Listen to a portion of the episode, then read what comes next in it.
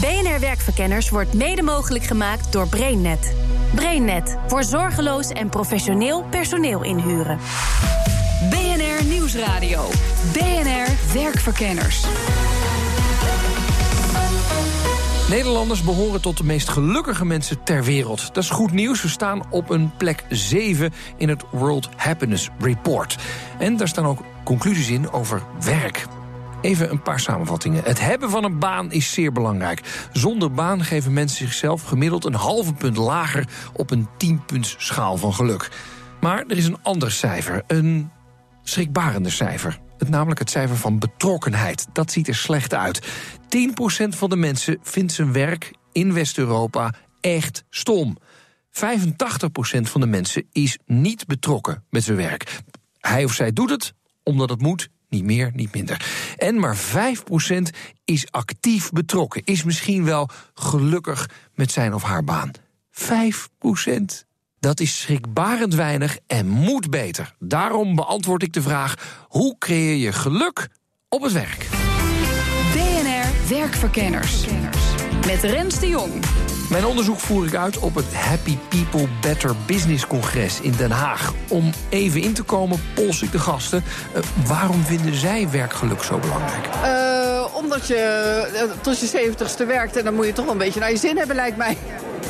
Ja. Het is belangrijk, denk ik, om gelukkig te zijn in het werk. Want daardoor kom je tot betere prestaties. En daar wil ik heel graag een bijdrage aan leveren. En ik wil het zelf ook nastreven. Het voorbeeld van dat we altijd alleen maar de negatieve dingen... of de verdrietige dingen, dat maken we groot. En geluk is een soort van schaamte. Ja, mag ik dat wel zijn zo een beetje? Doe maar gewoon, het is al gek genoeg. Dat is ja. Nederland, hè? Ja. En waar worden we het meest gelukkig van, denkt u? Uh, nee, bij jezelf te blijven en te doen waar je, waar je zin in hebt. Je moet het je realiseren dat het gewoon om de hoek ligt. Je moet het willen zien. Nee, het is zeker niet altijd makkelijk. Want je moet in actie komen en hobbels en obstakels overwinnen. En uh, dat gaat niet altijd samen met het woord makkelijk. Maar het is het waard. Succes vandaag. Ja, jij ook. Bedankt. Maar bij jullie zit het sowieso wel goed. Ja, precies. Vandaag onderzoek ik dus hoe je werkgeluk creëert. En daarvoor spreek ik een aantal deskundigen. De eerste is Gea Peper. Ze is coördinator van het congres en oprichter van het Happiness Bureau. En zij zegt dat er veel onderzoek wordt gedaan. Nou, dus heel veel geluk, ook met veel verschillende uitkomsten. Hè. Dus is niet één cijfer te noemen. Maar wel dat uh, bedrijven die hier veel aandacht aan besteden... dat die vijf keer zo goed presteren als bedrijven die dat, uh, die dat niet doen. Uh, je ziet ook dat de klanttevredenheid gemiddeld 20% hoger ligt. de cijfers over productiviteit, toename daarvan... liggen tussen de 20 en de 30 procent. nou, dat zijn allemaal behoorlijk... return on investment is drie keer zo hoog van bedrijven die dit als, als uh, leidraad nemen... in verhouding tot bedrijven die dat niet doen. Dus en daar is allemaal wetenschappelijk uh, onderzoek uh, over. Veel naar onderzoek. Als ik denk aan geluk op een werkvloer... dan denk ik als baas, nou weet je wat, een glijbaan en een ballenbak... en dan kom ik een heel eind. Nou, eigenlijk is dat half waar. Ja en nee. He, wij, wij focussen op drie dingen. He. Is, is je werk zinvol? Uh, kun je in een flow komen. Dus kun je je talenten gebruiken, kun je je passies uh, inzetten. En maar fun en friendship, dus dat je plezier hebt, is daar zeker ook onderdeel van. Maar het is niet het enige. Maar goed, ik denk dat mensen ook... Hè, het gaat over dat mensen zelf kunnen ontplooien... dat ze kunnen groeien, dat ze verantwoordelijkheid kunnen nemen. Kijk, een glijbaan is zo besteld. Is gewoon uh, intekenen en uh, afrekenen. Hier moet ik als baas opeens gaan loslaten. Ja, hallo, dat vind ik een partijtje moeilijk. Nou, dat is ook zo. En dat zie je dus ook. Want ik denk als je het inderdaad doet als een soort window dressing... Hè, van nou, we doen een glijbaan en dan uh, everybody happy... dan werkt het ook niet. Dus je moet echt zorgen dat het in het DNA van het bedrijf gaat zitten. Je ziet ook bedrijven die gestart zijn vanuit dit uh, happiness als principe... dat dat makkelijker gaat dan bedrijven die al jarenlang... op een andere manier werken... en dan plotseling het roer willen omgooien. Maar het is niet onmogelijk. Goed om te horen als je er nog aan wil beginnen als bedrijf. Verder met mijn onderzoek. Ik krijg hulp van een van onze zuiderburen. Ik ben Leo Bormans en ik reis de wereld rond om over geluk te spreken. Ik heb een aantal boeken gemaakt. De World Book of Happiness, de World Book of Hope, de World Book of Love. Deze week heb ik aan Mark Rutte de World Book of Hope gegeven... om een, een politiek toe te wensen die op hoop gebaseerd is en niet op angst. En ik heb een mailtje teruggekregen om mij daarvoor te bedanken. Ik weet niet of het helpt, maar ik hoop het. Hij vertelt dat wij Nederlanders erg gelukkig zijn... Maar we denken van niet. Ja, de Nederlanders zijn altijd bij de top 5 van de gelukkigste landen ter wereld. En als ik dat dan ergens zeg in Nederland, willen ze dat vooral niet geloven. Wij zijn toch dat land van die chagrijnige mopperaars. Maar dat is niet zo. Jullie zijn echt wel gelukkige mensen. Als je dat vergelijkt met, met andere landen, dan zijn jullie gelukkig. Jullie vertrouwen elkaar vooral meer dan, andere, eh, dan in andere landen. Dus het gaat niet zozeer over het geld of de zon of de palmbomen. Het gaat over vertrouwen en de gelijkheid. Iedereen mag hier goed onderwijs krijgen, goede gezondheidszorg. Jullie vinden dat allemaal heel normaal, maar dat is niet zo normaal. Dus mensen die u hier probeert wijs te maken dat het niet goed gaat, dat u eigenlijk elkaar moet wantrouwen, dat u tegen elkaar op moet worden gezet, die nemen eigenlijk uw geluk weg. Want de basisvoorwaarde voor geluk is veiligheid en vertrouwen. En dat is er in Nederland best wel. En jullie weten dat ook. Uh, u heeft heel veel onderzoeken gelezen over geluk. Is het maakbaar? Geluk is voor 40% maakbaar. Hè. Voor 50% zijn de verschillen in geluk bepaald door genetica. Dat, dat heb je gewoon meegekregen van je ouders, je grootouders. 10% is uh, bepaald door de omstandigheden. Dus de job die je hebt, het huis dat je hebt. Maar dat bepaalt eigenlijk maar 10% van ons geluk. 40% van het verschil in geluk tussen mensen zit eigenlijk tussen de oren. Dat is de mindset, de manier waarop je naar de dingen kijkt... en waarop je kleine positieve dingen doet elke dag. Om op de, what you focus on is what you get. If you focus on the problems, you get the problems. If you focus on the solutions, you get the solutions. Dan zegt u eigenlijk... Uh, de sleutel bij gelukkig worden ligt bij de mensen zelf, niet bij de werkgever. Nee, maar dat is, een, dat is een, een, een heel eh, rare interpretatie die mensen daarvan maken. Alsof als je dan niet gelukkig bent, is het nog je eigen schuld ook nog. Dat is natuurlijk niet zo. Het is een samenspel van factoren waarin mensen samenwerken om elkaar een beetje gelukkig te maken. Dat kan zowel de werkgever zijn die voorwaarden creëert waardoor mensen autonoom kunnen handelen. En waardoor de werknemer zijn verantwoordelijkheid neemt. En niet denkt dat geluk uit de hemel valt, maar kleine stappen zal moeten zetten in collegialiteit, in vertrouwen, in minder pesten op het werk, in, elkaar, in aardig zijn voor elkaar. U helpt bedrijven ook in Nederland om gelukkiger werknemers te creëren. Wat is het, uh, wat is het pad daar naartoe? Wat doet u? Er zijn heel veel uh, bedrijven die hebben ingezien dat de core business van hun bedrijf niet langer is alleen maar meer en meer geld verdienen. Hè? Ten koste van wat en wat. Ten koste van mensen die voortdurend burn-out zijn, ten opzichte van klanten die niet tevreden zijn, noem maar op. Bedrijven die inzien dat eigenlijk gelukkige klanten het doel is van hun bedrijf, die zullen een gelukkige organisatie uitbouwen, een zuurstofrijke organisatie, waarin hun medewerkers zelf ook kunnen groeien, zichzelf kunnen zijn, zich gelukkig voelen. En we zien dat in heel veel bedrijven gebeuren. Hè? Het is, het is, de kern begint bij als je jezelf goed voelt op je werk... dan zal je dat ook overdragen in de organisatie die je uitbouwt... en in uiteindelijk gelukkige klanten. Net zoals scholen het doel hebben van gelukkige kinderen te creëren... dankzij gelukkige scholen. Maar daarvoor hebben we ook gelukkige docenten en leraren nodig. En dat is iets heel anders dan de hele dag liedjes staan zingen over geluk. Dat gaat over de echte prioriteiten in ons leven kunnen stellen. Goed, ik wil praktijkvoorbeelden. Hoe pakken bedrijven in Nederland dat aan? Um, ik weet wel iemand die me dat kan vertellen. Hoi, ik ben Matthijs Keugel. Ik ben uh, boordlid bij een centro en uh, voetbalcoach in het dagelijks leven. Dat is toch wel opvallend. Een boordlid die voetbalcoach op zijn visitekaartje heeft staan. Is dat nou de manier om geluk uit te dragen? Ja, uh, goede vraag. wij zijn gepassioneerde mensen en dat vinden we ook leuk om uit te dragen. Dat geldt natuurlijk niet alleen maar voor werk, maar ook privé. Nou, privé ben ik voetbalcoach van het pupillenteam. Dat vind ik hartstikke leuk. Dus dat staat ook op mijn voetbalkaart of mijn visitekaartje. Ja. Hoe gelukkig ben je? Ja, heel gelukkig. Ik zeg uh, een 9,5. Een 9,5? Ja, ik ben gewoon uh, dagdagelijks ga ik fluitend uh, naar mijn werk. En ik ga fluitend weer naar huis. Dus wat wil je nog meer? Ja. Jij werkt bij Incentro. Worden mensen nou ook gelukkig van die irritante reclamespotjes? dat is ook een leuke vraag. Uh, sommigen wel en sommigen niet, is het eerlijke antwoord. Ja? dat gold trouwens ook voor onze relaties. Er waren relaties die belden en ons complimenteerden met een fantastische spot. Maar ook relaties die zoiets hadden van, ja, wat is dit nou weer? Ja, En dat gold intern ook. Kijk, wat wij doen is daar gewoon over praten. Dus we gaan ook praten met de mensen die dat minder leuk vinden. En daar luisteren we naar. En dat betekent dat we het de volgende keer net even anders doen. En daar houden we er rekening mee. Dus dat gebeurt nu ook. Jullie hebben sinds 2012 geluk als speerpunt neergezet voor het hele bedrijf. Moet ik het zo zeggen? Ja, dat klopt. Uh, onze visie. Onze visie is, uh, wij geloven dat gelukkige incentronauten excellente resultaten leveren. En dan volgt de rest vanzelf. Dus alles draait bij ons om dat geluk. Wanneer hebben jullie dat inzicht gekregen? Ja, in 2012 hadden we, uh, hadden we een zwaar jaar. Uh, dat hebben we gereorganiseerd en hadden we behoefte aan een nieuwe stip op de horizon. Nou, daar zijn we met elkaar over gaan nadenken. En dat was net het moment dat Ricardo Semler op tegenlicht op televisie kwam. Dus een, een beroemde Braziliaanse ondernemer... die eigenlijk zelfsturende teams heeft ingevoerd, hè, vooral. Klopt, ja, ja. En eigenlijk de kern van wat hij doet is geluk centraal stellen. Dus uh, doe maar gewoon wat je wil, zorg dat je gelukkig bent... en dan komen die resultaten vanzelf. Nou, dat hebben we van hem overgenomen en zijn we ook gaan doen als Incentro. Wat zijn de belangrijkste dingen die je veranderd hebt? Ja, we zijn nog meer vertrouwen gaan geven... en we laten nog meer los en laten nog meer gebeuren. En dat is denk ik de kern van uh, hoe, hoe je kan zorgen dat je een cultuur creëert... waar mensen gelukkig in worden. Definieer loslaten, wat gebeurt er dan? Ja, wij, wij vinden, willen heel graag dat mensen gewoon fouten durven maken. Want dan gaan ze dingen doen, dan gaan ze maximaal zichzelf ontplooien... en gaan ze ook uh, dingen doen die ze anders niet zouden doen. Nou, dat betekent dat mensen zich maximaal uh, uh, ontwikkelen... en daar worden mensen gelukkig van. You make it sound so easy. Dat is het denk ik niet. Nee, dat is het helemaal niet. Nee.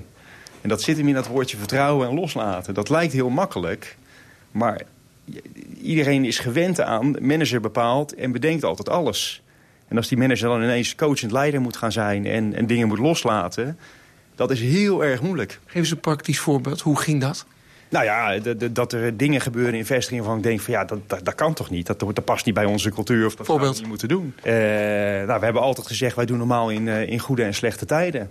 En dan is er een vestiging die draait goed en die zegt van joh, laten we met elkaar een weekendje naar Malta gaan. En dan gaan ze nog vergaderen ook, hè, dus er valt echt wat voor te zeggen en het is goed voor de sfeer. En uh, dan denk ik van ja, ja, klopt dat nou? Is dat nou normaal doen in goede en slechte tijden? Nou ja, uiteindelijk uh, vinden, de, vinden zij van wel. Dus doen ze het. En dus is het ook oké. Okay. Maar dus jij moet op je handen zitten? Ja, ja, ja dat ja? is het. Ja, ja, dan moet ik op mijn handen zitten. Ik kan erover praten, hè. Uh, maar dan kan ik ook vervolgens, uh, kunnen ze ook besluiten... nou, bedankt voor, je, voor, je, uh, voor het meedenken en we gaan het toch doen. Ja. Nou, prima. En dan? Dan gaan ze het toch doen. En dan vind ik dat ook prima. Sinds 2012 is dit ingevoerd. Zijn de resultaten naar believen? Ja, ja de feiten die, uh, die spreken voor ons gelukkig. Uh, het grappige is, voor 2012 stuurden we op groei. En op geld, hè, winst. Uh, dat hebben we toen losgelaten. En sinds 2013 groeien we harder dan ooit. Dus dat is heel bijzonder. We, sturen er niet meer op. We, we, geven dat niet meer mee als target. En juist dan zie je die groei ineens in de versnelling krijgen. En dat is echt een, een trendbreuk geweest. Hoe verklaar je dat? Ja, dat, dat onze visie dus inderdaad klopt. Als je gelukkig bent, dan volgt de rest vanzelf. Want denk er maar over na. Eh, onze mensen zijn gelukkig. Die gaan dan goed werk leveren. Worden onze opdrachtgevers gelukkig van. Nou, die willen dan meer, meer afnemen. En dan, gaat, dan, dan komt dus ook die winst vanzelf en de groei vanzelf. Zometeen gaan we een onderzoek naar werkgeluk verder. Uh, dan spreek ik onder andere met de oprichter van telecomprovider Voice... die geluk creëert door managers te ontslaan... en iedereen zijn eigen ding te laten doen. Als jij bijvoorbeeld zegt, ik heb nieuwe service nodig... en die kost uh, 20.000 euro, dan bestel jij een nieuwe service... en dan kost dat 20.000 euro. Met als kanttekening, doe alsof het je eigen geld is. En je hoort tips hoe je geluk op jouw werk kan creëren... als werknemer en werkgever. BNR Nieuwsradio. Werkverkenners. Hoi, ik ben Rens de Jong en gelukkig luister je, want vandaag onderzoek ik de vraag: hoe creëer je geluk in je bedrijf of op je werk? En daarvoor spreek ik meerdere mensen op het afgelopen week gehouden Happy People Better Business Congres. De bedenker daarvan, Gea Peper, legt me uit dat heel veel bedrijven bezig zijn met opvallende dingen om mensen een beetje gelukkig te maken. Vaak beginnen bedrijven nog wel eens uh, aan de buitenkant. Precies wat je zegt. Hè. Laten we de werkomgeving eens, uh, eens een beetje pimpen... met uh, schommels en tennistafels enzovoort. maar ja, er zijn een heleboel, heleboel andere voorbeelden. Hè. Dailies waarbij dingen echt gedeeld worden. geluksmomenten. Bedrijven die een geluksdag instellen. Mag Sorry, een geluksdag? Ja, die zou iedereen wel willen. Hè? het klinkt een beetje gek. Uh, nou, ik denk uh, dat iedereen het juist heel erg leuk vindt. Want een geluksdag is een dag die je zomaar kunt opnemen als een extra vrije dag. En de enige voorwaarde is, is dat je laat zien dat je een foto stuurt van wat je die dag hebt gedaan. Waarom zouden bedrijven hiermee bezig moeten zijn? Nou, ik denk verschillende, uh, verschillende redenen. Het is goed voor het bedrijf zelf. Er zijn onderhand een heleboel cijfers beschikbaar... die laten zien dat je uh, winstgevender, productiever... Mensen werken beter samen, lagere burn-out, minder stress. Dus genoeg voordelen. Maar ook, ik denk dat je ook het juiste wilt doen. Je wilt ook, je wilt mensen niet alleen als productiemiddelen zien... maar je wilt daar ook de juiste aandacht aan besteden. dat daar ruimte voor is binnen een bedrijf. Wat vinden werkgevers het lastigste als ze met jou een traject ingaan? Ik denk dat het uh, de andere manier van kijken is. Ik, ik, denk dat we de laatste jaren, zeker bij de wat grotere bedrijven... echt een visie hebben gehad van uh, uh, spreadsheets, vergaderingen. Ik ben zelf ook leidinggevende geweest. Ik zat de hele dag alleen maar in vergadering. spreadsheets, cijfers aanleveren. Ik, ik, denk dat de menselijke maat en aandacht voor mensen in het bedrijf... uh, een beetje is kwijtgeraakt. En als ik bij zo'n bedrijf binnenkom, moet je echt weer even de weg terugvinden. Van oké, dat is ook belangrijk, maar er zijn meer dingen die juist bijdragen aan het werkgeluk. En daardoor ook uh, aan de bottom line uh, van het bedrijf. Wat zeg je tegen al die mensen die nu deze uitzending luisteren en denken: wat is dit nou weer voor geitenwolle sokken BNR-werkverkenners deze week? Nou, ik denk dat het heel goed is dat ze zich er eens verder in verdiepen. Dat, dat je ziet dat er heel veel gaande is op dit gebied. En dan... kan je je voorstellen dat mensen denken... ja, joh, weet je, je moet naar je werk komen om geld te verdienen. Ze moeten gewoon ongeveer doen wat ik zeg. En natuurlijk moeten we dat in overleg doen. Maar laten we hier niet een softe sector van maken. Nou, dan adviseer ik bedrijven om misschien over een jaar of wat nog eens terug te komen. Want? Uh, het werkt alleen als, dat zie je ook bij bedrijven die dit succesvol toepassen... als je management hebt en vaak een sterke CEO die ook zegt... ik wil ook dat mijn medewerkers uh, gelukkig zijn, dat het dan gaat vliegen. Als je denkt van, ik ga even aandacht aan geluk besteden... want wie weet he, werkt het wel voor mijn bottom line. Maar eigenlijk geloof ik van inderdaad, ze moeten maar werken... want dan krijgen ze salaris voor en that's it. En gelukkig zijn doe je maar in je vrije tijd. Dan gaat het niet werken. En dan zeg ik van, nou, dan kom over een jaar nog eens terug. Er zijn bedrijven die GEA helemaal niet nodig hebben... want ze kunnen het zelf al. Ze voeren zelf een succesvolle geluksstrategie. Een praktijkvoorbeeld. Mijn naam is Mark Vletter, uh, trots vader van drie, uh, trots echtgenoot van één. Uh, oprichter van Voice, zakelijke telecomprovider uit het uh, noorden van het land. Maar tegenwoordig internationaal actief met vestigingen in uh, Zuid-Afrika en, en ook in België. Hij heeft de titel Chef Leuk Werk op zijn LinkedIn staan. Dat klinkt wel heel erg hipster, Mark. voor mij staat het erop voor sinds voordat het hipstere concept bestond. Dus uh, nee, het is echt iets... Uh, we hebben op een gegeven moment gekeken van wat, wat is nou het uh, rollenpakket wat je binnen de organisatie hebt... en hoe vang je dat nou het best in één titel. En ik, ik roep al volgens mij sinds 2009 dat iedereen een leuke baan moet hebben. Dus ik, dat is mijn werk. Ja. Chef leuk werk. Ja, chef leuk werk. Um, jullie groeien snel. Zie je een verband tussen de twee? Dat je leuk werk creëert en dat je snel groeit? ja, maar dat mag niet de reden zijn dat je het gaat doen. Ik denk dat, uh, dat, dat vind ik nog wel eens een risico. Dat mensen zeggen, ja, als je dan gelukkige mensen binnen je bedrijf hebt... dan, uh, dan krijg je bedrijfsgroei. Als dat je incentive is, dan ben je verkeerd bezig. Je moet het doen omdat je denkt dat het goed is voor de mensen die bij je werken... of voor je klanten.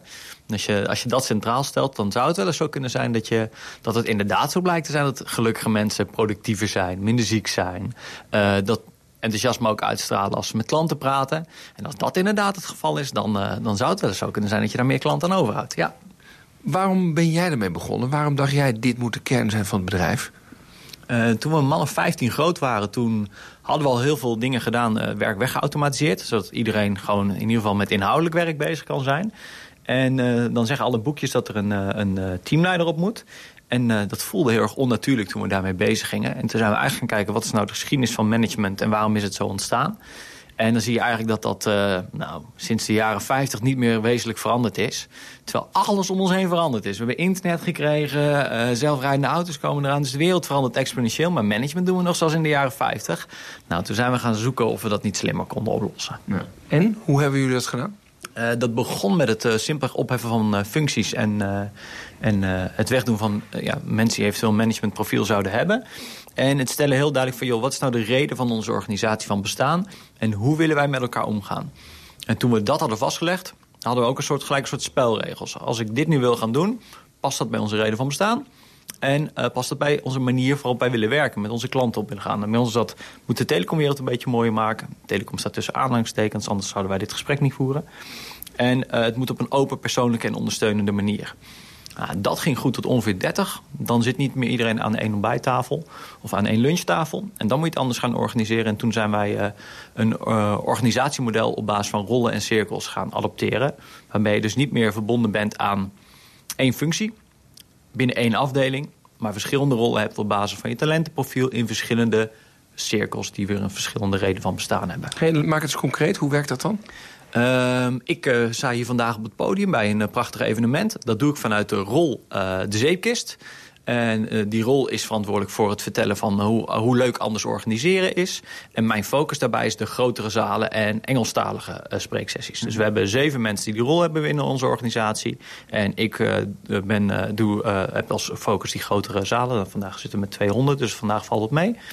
Ehm, en normaal gesproken zou alleen de CEO dat mogen doen... maar nu mag iemand die bijvoorbeeld op de IT-afdeling werkt... en die, ook de rol zeepkist heeft, mag dat ook doen? Ja, en uh, er zit ook altijd een stukje training aan vast. Dus mensen worden ervoor getraind. Um, en dat doe ik in de cirkel spraakmakers. Die zijn verantwoordelijk voor alles wat ook maar enigszins gelieerd is... aan marketing en communicatie en de expressie van het bedrijf. Uh, en die vallen weer in de cirkel uh, Voice International. Daar zitten alle uh, voice-bedrijven in. Dus zij doen dat niet alleen voor Nederland, maar ook voor Zuid-Afrika, ook voor België, ook voor One, et cetera. Dus, dus de, die hiërarchische haak is compleet afgeschaft? Uh, ja, uh, waarbij het niet zo is dat er geen hiërarchie meer is. Het is wel zo dat de bovenste cirkel bijvoorbeeld... die kan een strategie stellen van... joh, dat is wat we met elkaar willen bereiken. En de cirkels die daaronder vallen... zullen daar dan ook in lijn mee moeten opereren. Dat is wel de afspraak die je met elkaar maakt. Maar het is niet meer... Je mag theoretisch mag je alles doen in de organisatie... Uh, behalve als iemand er een domein op heeft. Bijvoorbeeld de bepalen van het hoogte van de salaris. Daar zit een domein op van iemand van Human Capital. Nou, en dus mag jij dat niet bepalen. Maar als jij bijvoorbeeld zegt, ik heb nieuwe servers nodig... en die kosten 20.000 euro, dan bestel jij nieuwe servers... en dan kost dat 20.000 euro. Met als kanttekening, doe alsof het je eigen geld is. Dus ga er slim mee om. Is dit uh, de sleutel tot succes? Mensen autonomie, invulling geven? Of zijn er nog andere dingen? Je ziet eigenlijk drie dingen die wel heel relevant zijn. Uh, Daniel Pink heeft daar een heel mooi boek over geschreven. Dat heet Drive. Uh, autonomiteit, meesterschap en zingeving, purpose. Als je die drie dingen als werkgever goed weet in te vullen... dan kom je denk ik heel ver. En ik heb heel lang gedacht dat dat wel voldoende was. Alleen een ondernemer heeft van nature de neiging om risico's te nemen. Die, nemen. die vindt dat niet zo erg. Alleen een werknemer heeft dat natuurlijk veel minder. Dus dat moet wel, daaronder moet een veilige omgeving liggen. Je kunt die drie elementen niet bouwen als je organisatie niet veilig is. En een hele goede graadmeter om te kijken of een organisatie veilig is... is simpelweg hoe reageert men op een fout die wordt gemaakt. Een dure fout. Uh, worden de mensen ontslagen? Ligt de tent overhoop? Is iedereen boos? Of uh, zet men met elkaar de schouders onder en gaat men het uh, proberen op te lossen... voor elkaar en met elkaar? Als dat laatste gebeurt, dan heb je een veilige organisatie. Nog even terug naar geluksonderzoeker Leo Bormans. In zijn World Book of Happiness heeft hij 20 tips staan om gelukkiger te worden. Daar heb ik er drie uitgekozen die een beetje bij mij passen. Als eerst vertelt hij over nummer 9. Laat zien hoe je je voelt. Er zijn heel veel mensen die niet weten hoe ze hun emotie moeten uiten. Hè? Er zijn heel veel mensen die, die niet weten hoe ze moeten zeggen... ik ben bang, ik ben droef, ik ben blij. Uh, kinderen die het niet weten. Maar het goede nieuws is, we kunnen dat leren. En we zien dat mensen die leren om hun emotie te uiten... veel gelukkiger zijn dan mensen die voortdurend gefrustreerd, opgekropt zitten te denken... ja, ik zou toch wel eens, ik had meer met mijn gevoelens moeten doen... maar ik heb het niet gedaan. Ik denk af en toe, als ik laat zien dat ik boos ben... dan raken mensen niet geïnspireerd van mij. Jawel, je laat, het, is, het gaat erom dat je niet alleen moet laten zien wat je, wanneer je blij bent. Het gaat er ook om, ken je mensen waarbij je kwetsbaar mag opstellen? Zijn er mensen die je ook kan, uh, waarbij je uh, je eenzaamheid, je twijfels kan uiten? Heel veel jonge mensen voelen zich op dit moment net nog eenzamer dan vroeger, ondanks de asociale media die hen omringen. Mm. Het gaat eigenlijk over, over leren elkaar vertrouwen. Kwetsbaarheid heeft, uh, heeft, heeft niks te maken... Ja, veerkracht heeft niks te maken met, met, met altijd maar succesvol zijn. Het heeft net te maken met kwetsbaar zijn. Durven, durven toegeven wanneer het jou niet goed gaat. Maar wie durft dat op Facebook zetten? Houd jezelf onder controle. Nummer 16. Wat bedoelt u? Ja, mensen die voortdurend uh, op elke impuls reageren. Hè. Ze krijgen die impuls, je moet dat kopen, je moet dat doen, nu moet je weer dat in. De reclame dwingt ons voortdurend, nu, nu, nu, je moet dat doen. Wel, hou jezelf onder controle. Wil zeggen, denk eens twee minuten na voor je een beslissing neemt. Hè. Is dat een beslissing die, die werkelijk aansluit bij wie jij bent en wie je wil zijn? Of is dat iets wat je laat opdringen door consumentisme of door andere mensen? En de laatste dan, nummer 13, zeg dankjewel. Ja, dank u wel. Zeggen is een hele mooie. Dat is een, een houding van dankbaarheid. Mensen die grateful zijn, dankbaarheid. Een dankbaarheidsdagboek bijhouden is een van de dingen die effectief werken. Ik doe dat zelf al twintig jaar. Ik schrijf elke avond drie positieve dingen op waarvoor ik dankbaar ben in mijn leven. En straks zal ik zeggen, ik ben geïnterviewd door BNR Radio en die man was heel aandachtig naar mij aan het luisteren en die heeft mij een goed gevoel gegeven. Dat is iets wat ik dan opschrijf. Hè. Dat, uh, dat heeft bijgedragen tot de zin van mijn leven. En zo probeer ik drie dingen mee te maken elke dag. En dankbaar zijn voor je leven en dank u wel zeggen tegen mensen terwijl ze nog leven en niet wachten tot ze dood zijn. BNR Werkverkenners. De conclusie. Deze keer gingen we op zoek naar de vraag hoe creëer je geluk op het werk. Nou, we hebben al heel veel gehoord, maar de samenvatting laat ik gewoon aan onze gasten over. Ik vroeg ze: heb je een tip voor werkgevers en werknemers? Nou, je hoort respectievelijk Matthijs Kreugel, Gea Peper en Mark Vletter. Begin met vertrouwen echt vertrouwen hebben in elkaar en echt mensen fouten laten maken. Dat klinkt heel makkelijk, maar daar hebben we het net over gehad. Dat is heel moeilijk. Neem uh, werkgeluk als KPI op in je, in je scorecard. Ga wat vaker op je handen zitten. Uh, een manager bemoeit zich ermee zonder dat het hem gevraagd wordt. En een leider wordt gevraagd zich ermee te bemoeien. Dus wees wat vaker een leider. En uh, voor de werknemer, uh, it's better to ask forgiveness than to ask permission. Neem je eigen verantwoordelijkheid voor werkgeluk. Werk aan je persoonlijk leiderschap en, en ga niet zeggen van ja, maar uh, mijn werkgever moet het doen... of het ligt aan mijn collega, of het ligt aan dat ik te veel werk heb. Maar neem zelf die verantwoordelijkheid om te zorgen dat jij gelukkig wordt in je werk. En werknemers mogen kansen pakken. Dus als je kansen ziet, pak ze, gewoon durven, doen dan ontwikkel je jezelf maximaal. En uiteindelijk wordt iedereen er beter van. En um, ik zou beide eigenlijk wel adviseren om het boek How to Win Friends and Influence People te lezen. De titel klinkt minder mooi dan de inhoud van het boek is. En ik leer daar iedere keer weer heel veel van. Vooral de dingen die ik vaak fout doe. Maar het gaat over hoe mensen mooi met elkaar om kunnen gaan... en mooi met elkaar samen kunnen werken. En daar kan denk ik iedereen wat van leren. Tot zover deze uitzending van BNR Werkverkenners. Volgende week zijn we er weer met dan een andere vraag. Namelijk, waar zit het werk in de toekomst? En hoe bereid ik me er nu al op voor? Zorg dat je, dat je breder ingezet kan worden dan uh, vandaag. Door toch, als je, als je het enigszins kan, in de techniek, in uh, uh, programmeren, leercoderen bijvoorbeeld. Dat is altijd goed. Wil je meer van deze uitzending weten? Ga dan even naar onze LinkedIn-pagina BNR Werkverkenners. Of abonneer je op onze podcast via iTunes of via de BNR-app. Tot volgende keer. Werk ze. BNR Werkverkenners wordt mede mogelijk gemaakt door BrainNet. BrainNet voor zorgeloos en professioneel personeel inhuren.